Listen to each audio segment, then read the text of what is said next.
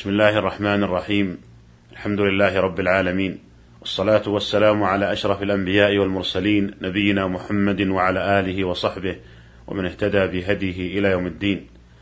أيها الإخوة المستمعون السلام عليكم ورحمة الله وبركاته. حديثنا في هذه الحلقة عن شعيرة عظيمة من شعائر الإسلام وهي صلاة الجماعة وهي من أفضل العبادات وأجل الطاعات. ومشروعيتها من محاسن دين الإسلام. والاجتماع في الإسلام مقام عظيم ولهذا فقد شرع الاجتماع لهذه الأمة في أوقات معلومة منها ما هو في اليوم والليلة كالصلوات الخمس. فإن المسلمين يجتمعون لأدائها في المساجد كل يوم وليلة خمس مرات. ومنها ما هو في الأسبوع مرة واحدة كالاجتماع لصلاة الجمعة. وهذا اجتماع أكبر من الاجتماع للصلوات الخمس. ومنها اجتماع يتكرر كل سنة مرتين وهو الاجتماع لصلاة العيدين وهو أكبر من الاجتماع لصلاة الجمعة. ومنها اجتماع يكون مرة واحدة في السنة وهو الاجتماع في الوقوف بعرفة وهو أكبر من اجتماع العيدين لأنه يشرع للمسلمين عموما من كل أقطار الأرض. أيها الإخوة المستمعون وتكرار اجتماع المسلمين في صلاة الجماعة خمس مرات في اليوم والليلة فيه مصالح عظيمة. منها ما يحصل من التواد والمحبة والائتلاف فإن ملاقاة الناس بعضهم بعضا واجتماعهم على إمام واحد في عبادة واحدة ومكان واحد يؤدي إلى الألفة والمحبة. ومنها التعارف والتواصل بين أفراد المجتمع. ولهذا نجد أن الجيران وأهل الحي إنما يتعرف بعضهم على بعض عن طريق اجتماعهم في المسجد وتكرار ذلك الاجتماع والتلاقي. ونجد أن من كان عنده تقصير في صلاة الجماعة لا يكاد يعرف بين أهل الحي وإن عرف عرف معرفة ضعيفة يشوبها الحذر. ومنها إظهار عزة الإسلام والمسلمين. ويظهر هذا جليا في وقتنا الحاضر مع وجود وسائل الإعلام المتنوعة التي تنقل الصلوات من المساجد وتبثها للعالم.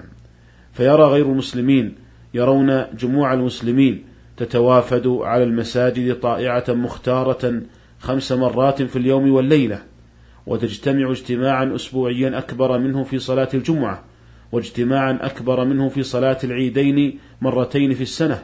واجتماعا أكبر منه في عرفة مرة واحدة في العام مما لا يوجد له نظير في أي دين من الأديان أو ملة من الملل.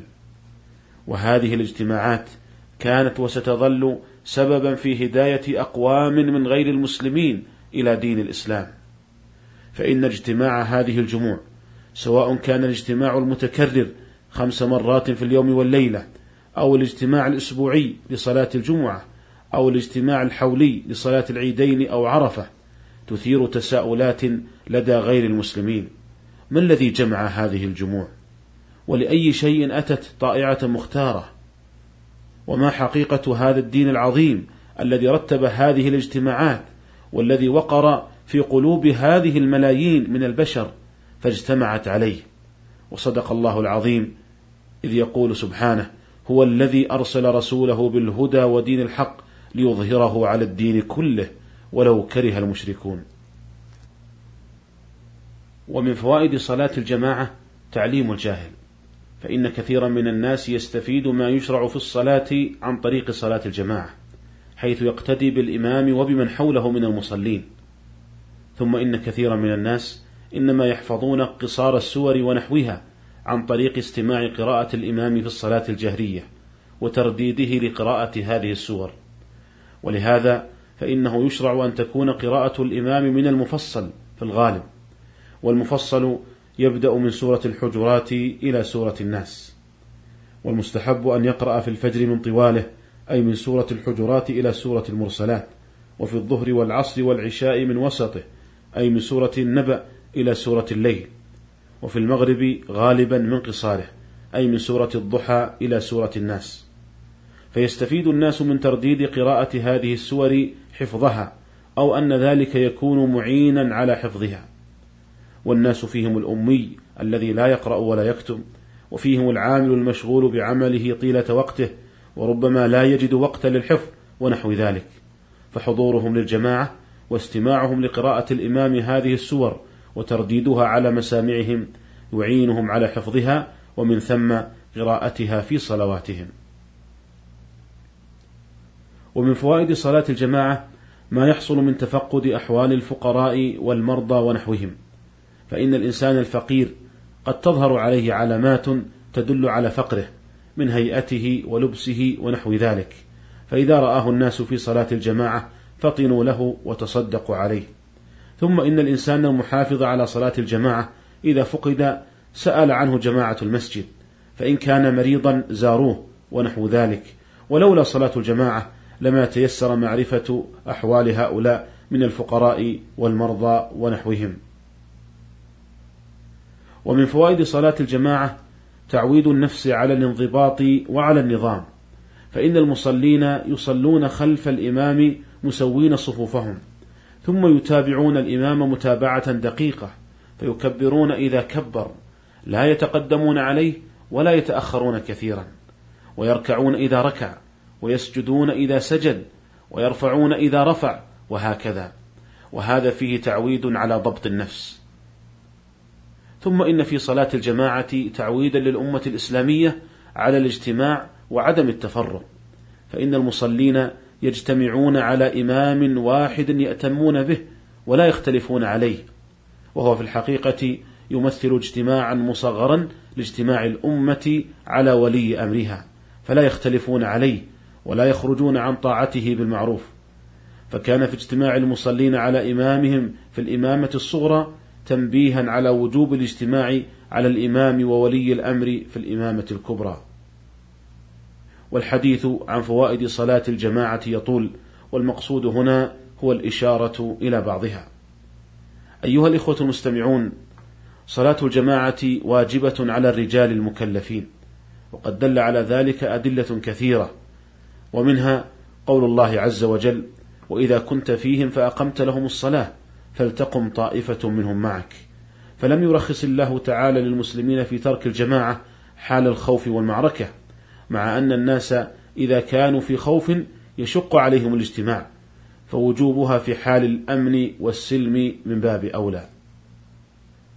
وفي صحيح مسلم عن أبي هريرة رضي الله عنه أن رجلا أعمى أتى النبي صلى الله عليه وسلم فقال يا رسول الله إنه ليس لي قائد يقودني إلى المسجد.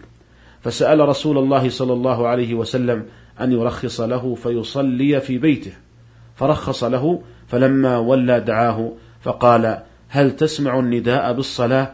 قال نعم. قال فأجب. جاء في رواية أبي داود فإني لا أجد لك رخصة.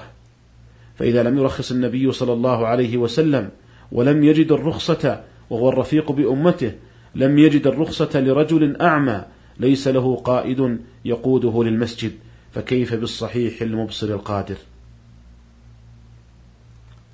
وفي الصحيحين عن أبي هريرة رضي الله عنه أن رسول الله صلى الله عليه وسلم قال والذي نفسي بيده لقد هممت أن آمر بحطب فيحتطب ثم آمر بالصلاة فتقام ثم آمر رجلا فيصلي بالناس ثم أنطلق معي برجال معهم حزم من حطب إلى قوم لا يشهدون الصلاة فأحرق عليهم بيوتهم بالنار.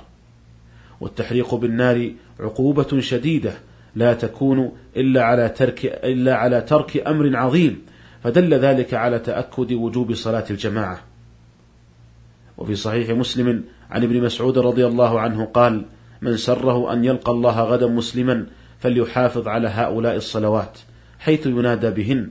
فإن الله شرع لنبيكم سنن الهدى وإنهن من سنن الهدى. ولو أنكم صليتم في بيوتكم كما يصلي هذا المتخلف في بيته لتركتم سنة نبيكم. ولو تركتم سنة نبيكم لضللتم. قال ولقد رأيتنا يعني الصحابة وما يتخلف عنها إلا منافق معلوم النفاق.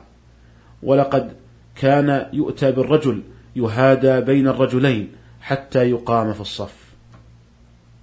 قال النووي معنى يهادى بين الرجلين أي يمسكه رجلان من جانبيه بعضديه يعتمد عليهما. أيها الإخوة المستمعون هذا ما تيسر عرضه في هذه الحلقة ونستكمل الحديث عن صلاة الجماعة في الحلقة القادمة إن شاء الله تعالى. والسلام عليكم ورحمة الله وبركاته.